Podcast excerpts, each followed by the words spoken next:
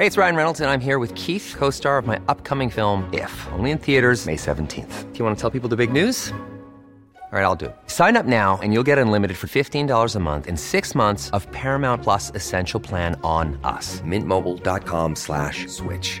Upfront payment of $45 equivalent to $15 per month. Unlimited over 40 gigabytes per month. Face lower speeds. Videos at 480p. Active Mint customers by 531.24 get six months of Paramount Plus Essential Plan. Auto renews after six months. Offer ends May 31st, 2024. Separate Paramount Plus registration required. Terms and conditions apply if rated PG. Here's a cool fact. A crocodile can't stick out its tongue. Another cool fact you can get short term health insurance for a month or just under a year in some states. United Healthcare short term insurance plans are designed for people who are between jobs, coming off their parents' plan, or turning a side hustle into a full time gig.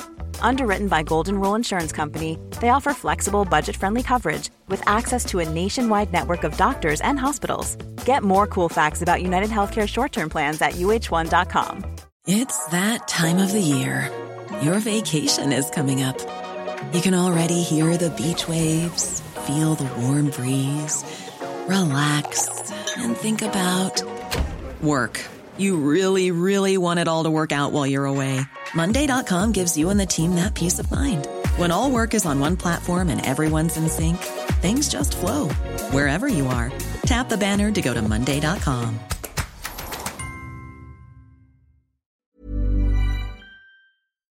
Du lytter til en podcast fra TV2.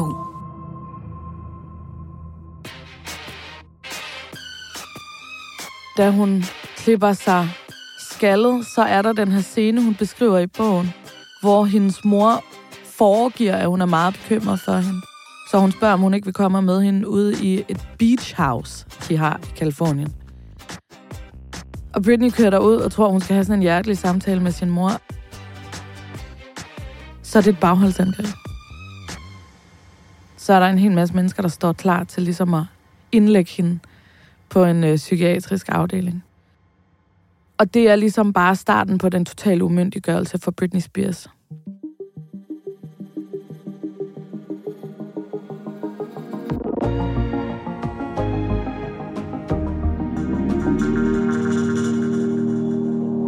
Popsensationen Britney Spears er endnu en gang på alles læber. Now, in her new memoir, she's getting to express the feelings and emotions she's experienced and often had to conceal throughout her turbulent life, telling her story her way. Hun har nemlig udgivet en biografi, hvor hun for første gang sætter sine egne ord på sit mildest talt tumultariske liv, hvor hun i 13 år har været umyndiggjort af sin egen familie.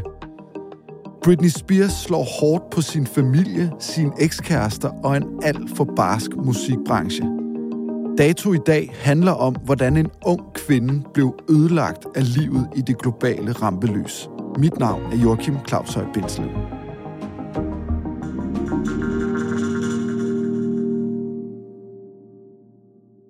Hvor tit hører du så egentlig Britney nu? Altså, det er mange år siden, jeg satte hende på. Jeg hørte det æderspark med meget, da hun var stor. Jeg hører rigtig meget Britney, hvis jeg skal for eksempel til et møde, som er vigtigt, og jeg skal sætte mig op til det. Så elsker jeg at høre Stronger eller Toxic. Jeg kan huske, jeg var fuldstændig syg med hende som dreng, som teenager. Ikke? Jeg havde Mm. plakater inde på værelset og alt det der. Men de seneste videoer, jeg har set af hende, hvor hun øh, danser rundt, og mascaraen er løbet på nogle af dem, og altså, det kan jo være sjovt og fjollet, men det kan også virke sådan, wow, dude, er du okay? Altså, hvad tænker du, når du tænker på Britney Spears i dag? Jeg tænker på en kvinde, som er blevet behandlet forfærdeligt af sin omverden, og som øh, derfor formentlig lever ret isoleret. Og det synes jeg, jeg blev bekræftet i bogen, at hun gør. Når jeg kigger på hendes Instagram, så tænker jeg altid, det er jo en performance, hun laver på Instagram. Øhm, og hvis hun for eksempel dansede med knive på scenen, så ville vi nok ikke rigtig rynke på næsen. Men fordi det foregår hjemme i hendes stue, så synes vi, det er underligt. Men det er det vel også. Britney Spears dancing with knives. I started playing in the kitchen with knives today. Watch as she spins around her house, twirling the blades hun fortalte efterfølgende, at det var legetøjsknive, og det var en hyldest til Shakira. Det kan jeg på en eller anden måde godt lide. Står hun bare lige hjemme i stuen og laver en hyldest til Shakira. Jamen, på en eller anden måde, så er der noget virkelig ufiltreret over hende, som jeg, som jeg godt kan lide. Jeg vil lyve, hvis jeg sagde, at det overhovedet ikke er skørt. Fordi jeg tror, hun er lidt skør. Men det var vi alle sammen blevet, hvis vi, havde, hvis vi var blevet behandlet på den måde, Britney er blevet behandlet. Det her er Sandy West. Hun arbejder som musikjournalist, og så er hun, ifølge hende selv, fan af Britney Spears gennem årtier. Jeg ved, at du græd på et tidspunkt, mm. måske flere gange, mens du læste den her bog. Hvad skete der? Hvorfor det? Det er den der ekstreme følelse af uretfærdighed, der rammer mig. Jeg tror også, det er, fordi jeg læser den så komprimeret, at det rammer mig jo alt sammen på én gang. Og jeg siger til min mand, du fatter slet ikke, hvad hun har været igennem, mand. Og øh, jeg læser den på, jeg tror, der går tre eller fire timer. Den er sådan relativt hurtigt læst, den her bog. Der er jeg rigtig glad for, at vi skal i seng, for jeg er simpelthen i ekstremt dårligt humør. Og det handler om, at alt det, hun bliver udsat for, gør mig enormt ked af det. Hun har simpelthen haft et liv, der har været et langt overgreb. Hvorfor tror du, Britney har skrevet den her bog? Hun fortæller i bogen, at grunden til, at hun egentlig finder sig i det her værgemål, det er fordi, at hun gerne vil opgive sin frihed for at få lov til at se sine børn. Så hun har jo ikke haft mulighed for at tale i mange år. Hun er jo blevet fuldstændig styret af sin far, og den advokat, faren har brugt, og hele holdet omkring faren. Du kender helt sikkert Britney Spears fra den her. Og sikkert også den her. Britney Spears er bare 16 år, da hun i 1998 bryder igennem og bliver det nye årtusinds absolut største popstjerne. Med rottehaler og skoleuniform danser hun sig ind i hjerterne på teenager verden over. Allerede som 11-årig bliver Britney Spears en del af Disneys Mickey Mouse Club, i øvrigt sammen med Christina Aguilera, Justin Timberlake og Ryan Gosling. Welcome to my hometown of Kentwood, Louisiana. It's a small, small town about an hour north of New Orleans. Det baner vejen for en musikkarriere og et liv i det globale spotlight. Justin Timberlake bliver også Britneys teenage-kæreste, og netop det forhold trækker de første overskrifter i medierne. Han er med i NSYNC. Han er hele USA's darling. Hun er Britney Spears. Hun er om muligt en endnu større darling. Men Justin framer hende, da han udgiver sit første album. Hun fortæller faktisk i bogen, at hun er ret sikker på, at grunden til, at han ikke gider se hende, Cry Me a River. Ja, grunden til, at han ikke gider se hende, da han for eksempel indspiller Justified, det handler formentlig om, at han allerede der har besluttet sig for, at hun er skurken på den plade. Og hun er skurken i Cry Me a River. Den her sang handler om, at der er en, der har været ham utro, og øh, nu kan hun bare Cry Me a River.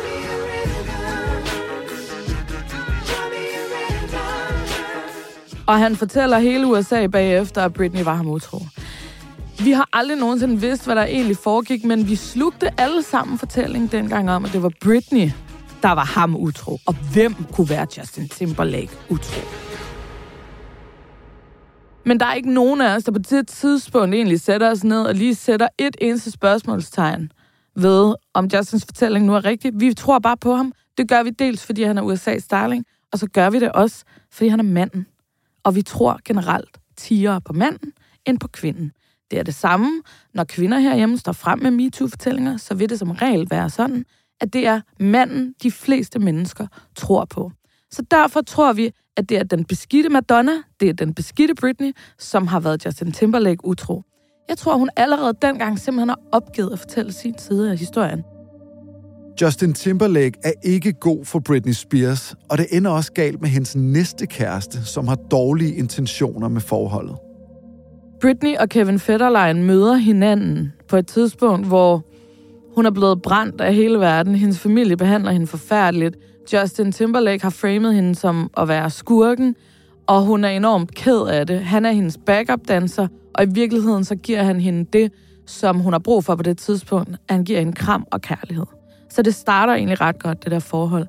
Men for ham har der været ligget en underliggende agenda, som var, at han ville bare gerne selv være berømt. Så meget, meget hurtigt i deres forhold, der begynder han ligesom at skubbe hende væk.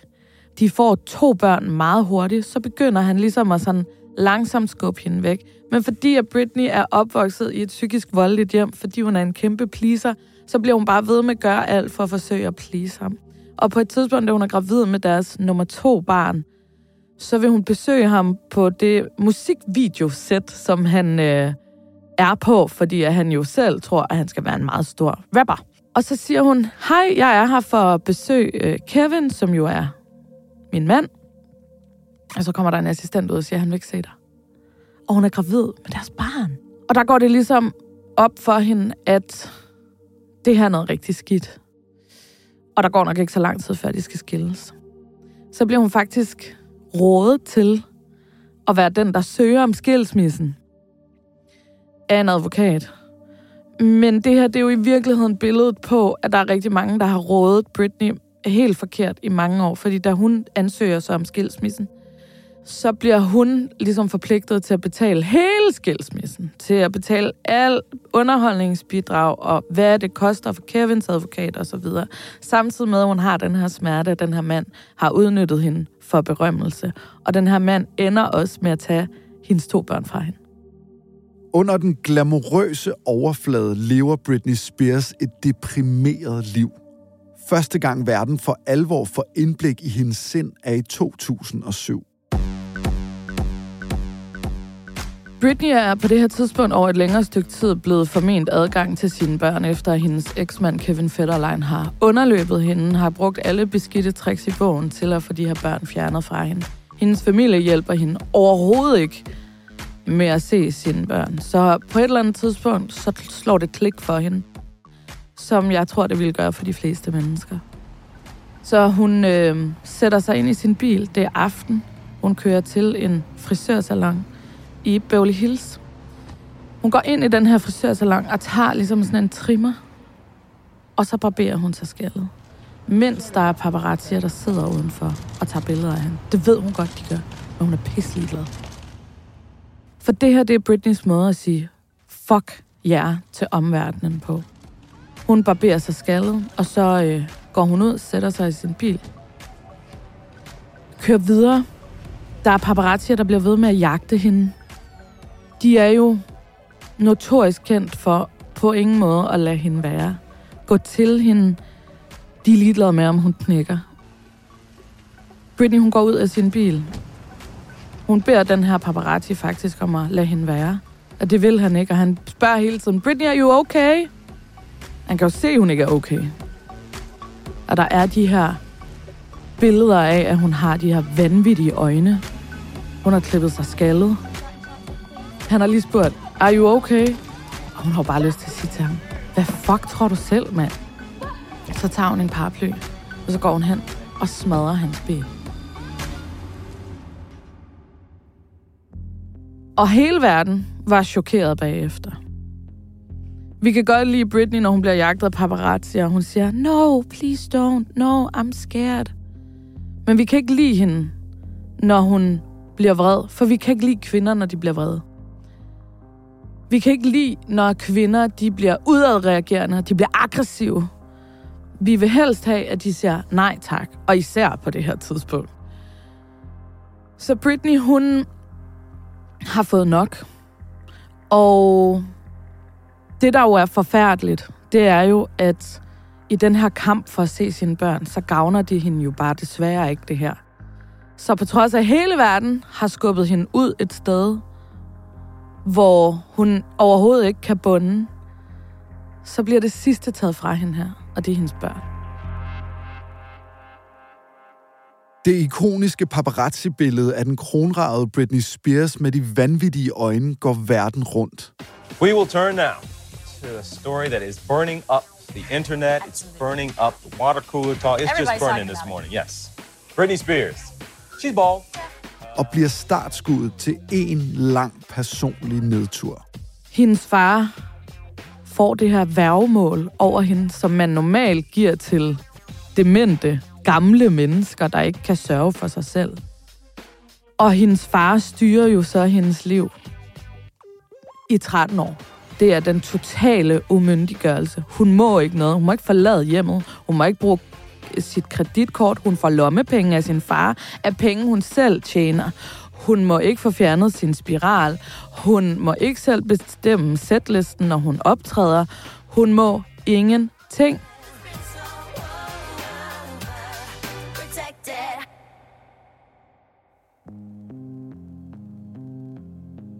På det her tidspunkt, Sandy, der har du været kæmpe stor fan af Britney, lige siden hun brød frem. Hvad tænker du her, da det hele smuldrer?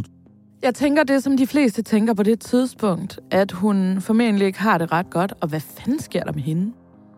De fleste af os købte historien om, at det var svært at være forældre til Britney. Det er jo så vildt, at da det her værgemål bliver indgået, der har Britney det forfærdeligt, og hendes mor skriver en bog om, hvor svært det er at være mor til en superstjerne. Hun turnerer rundt i den amerikanske version af Godmorgen Danmark-programmer, og det køber vi jo alle sammen på det tidspunkt. Det er meget, meget få mennesker, der sætter et eneste spørgsmålstegn ved, hvad det er, der foregår. Jeg øh, lavede radio en del år på øh, DR, på P7 Mix, hvor vi beskæftigede os kun med popmusik. Det vil sige, at jeg har siddet og talt rigtig meget om Britney Spears. Og det går egentlig ret sent i øh, min historik på P7 Mix op for mig, at historien måske ikke er helt, som jeg er blevet den solgt. Og det skammer jeg mig faktisk over i dag. Øhm, fordi at det også har noget at gøre med, hvordan kvindelige popstjerner er blevet behandlet igennem tiden. Det har vi alle sammen, alle os, der har lavet musikjournalistik, vi har alle sammen været med til det. Da Britney, hun øh, er blevet skilt, det går virkelig helvede til med Kevin Federline. Hun er småbørnsmor. Man kan måske godt forstå, hvis hun har brug for noget luft. Så går hun i byen. Og overalt i pressen, så står der mor til to. Single mor til to står der endda. Går rigtig meget i byen, ikke? Mig bekendt, så har man aldrig nogensinde skrevet om Mick Jagger, at han var en dårlig far. Aldrig. Selvom at han er billedet på sex, drugs and rock and roll. Men det, det har man ikke gjort med mænd. Men kvinder har bare skulle leve op til en anden moral. Og derfor er jeg så glad for, at hun har skrevet den her bog nu. Og jeg håber, at vi alle sammen har lidt dårlig smag i munden. I 2019 er der nogen, der siger fra, for her opstår bevægelsen Free Britney. Britneys fans kæmper indad for, at popstjernen skal slippes fri fra det værgemål, hun er underlagt. Free Britney! Free Britney! 13 years is too long! Britney Spears deserves justice! Bevægelsen får vind i sejlene, og i 2021 afgør retten i Los Angeles, at det værgemål, Britney har været underlagt i 13 år, skal ophæves. And the Free Britney movement, you guys rock. Honestly, my voice was muted. I honestly think you guys saved my life. Sandy, du ser hende tydeligvis, Britney, som et kæmpestort offer. Hvad med hendes eget som ansvar for at holde styr på sit liv og ikke ende derude, hvor, du ved, det hele smuldrer for rullende kameraer? Jeg har godt tænkt over det her spørgsmål. Hvad er hendes eget ansvar? Og jeg kan mærke, at jeg synes, det er lidt skørt. Det er en lidt skør præmis. Man kan sige, hun har jo virkelig taget ansvar i hele sit værgemål. Hun fandt sig i sit værgemål, så hun kunne få lov til at se sine børn. Pressen har et kæmpestort ansvar for, hvordan de har framed Britney Spears, hvordan de har gjort hende til skurken. Og jeg troede egentlig, at vi var kommet videre, men i den her uge scroller jeg ned over DR.dk's side, og så ser jeg, at P3 er afsender på en quiz. Sangeren Britney Spears har fået en abort med en superstjerne. Hvem er superstjernen? Er det Colin Farrell, Justin Timberlake og så en tredje? Og jeg kan bare mærke, at jeg tænker, hvad fanden laver I? Det her, det er en bog, hvor der er en kvinde, der fortæller, at hun er blevet undertrykt i så mange år. Den her abortfortælling, der er i bogen, hun får en abort sammen med Justin Timberlake. Hun vil gerne beholde barnet. Det vil han ikke. Han presser hende lidt til at få den her abort alene hjemme på badeværelsesgulvet. Det er forfærdeligt. Og så laver man en quiz ud af den her kvindes lidelser. Så er jeg bare ikke sikker på, at vi er kommet meget videre. Når du sidder og beskriver Britney Spears mor, Britneys far, det æder med nogle mennesker, som har været elendige forældre, Ja. som har udsat hende for ekstremt omsorgssvigt. Kæmpe. er det så ikke meget naturligt, at deres datter bliver ødelagt af det? Det, der jo er forskellen på hende og for eksempel Christina Aguilera, der også var meget stor på det her tidspunkt, det er altså graden af berømmelse, de opnår. Britney bliver meget større end Christina. Men Christina har en mor, der passer på hende. De fleste mennesker, som ikke har forældre, der passer på dem, de får jo men af det på et eller andet tidspunkt. Fordi børn bliver jo ved med at være lojale over for deres forældre. Det er derfor, vi har så forbandet stort et ansvar som forældre for at opføre os ordentligt. Og det gør Britneys forældre bare ikke. Og det, hun beskriver i bogen, det er en far, som er alkoholiseret, som er psykisk voldelig, som udnytter hende, og som har det alt for lækkert over at kunne bestemme over sin voksne datter i 13 år.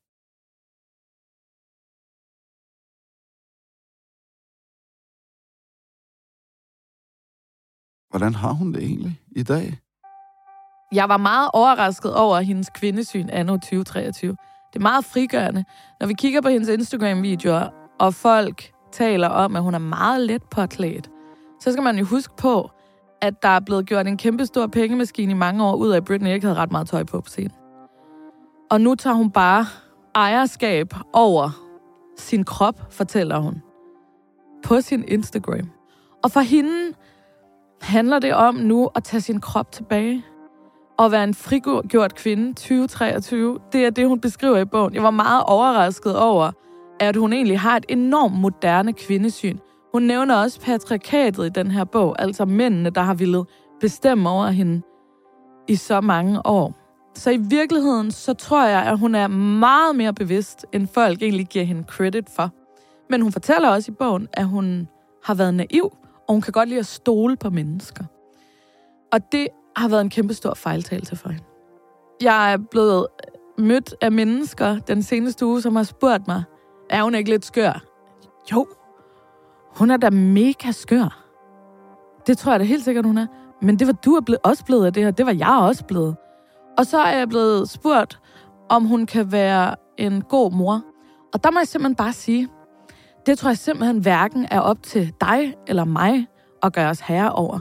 Og indtil at folk gentagende gange spørger, om Kanye kan være en god far med den kæmpe store nedsmeltning, han har gang i lige i øjeblikket, så gider jeg simpelthen ikke tale mere om, om Britney kan finde ud af at være en god mor eller ej. For det hører hendes privatliv til.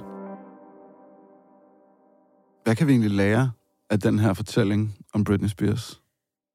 Vi kan lære, at superstjerner er også bare mennesker, som har brug for kærlighed og omsorg. Og vi kan lære, at alt det, vi ser, ikke nødvendigvis er sandheden.